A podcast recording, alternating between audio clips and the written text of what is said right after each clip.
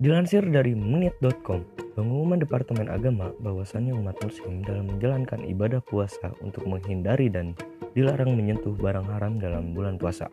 Barang itu adalah barang hakan.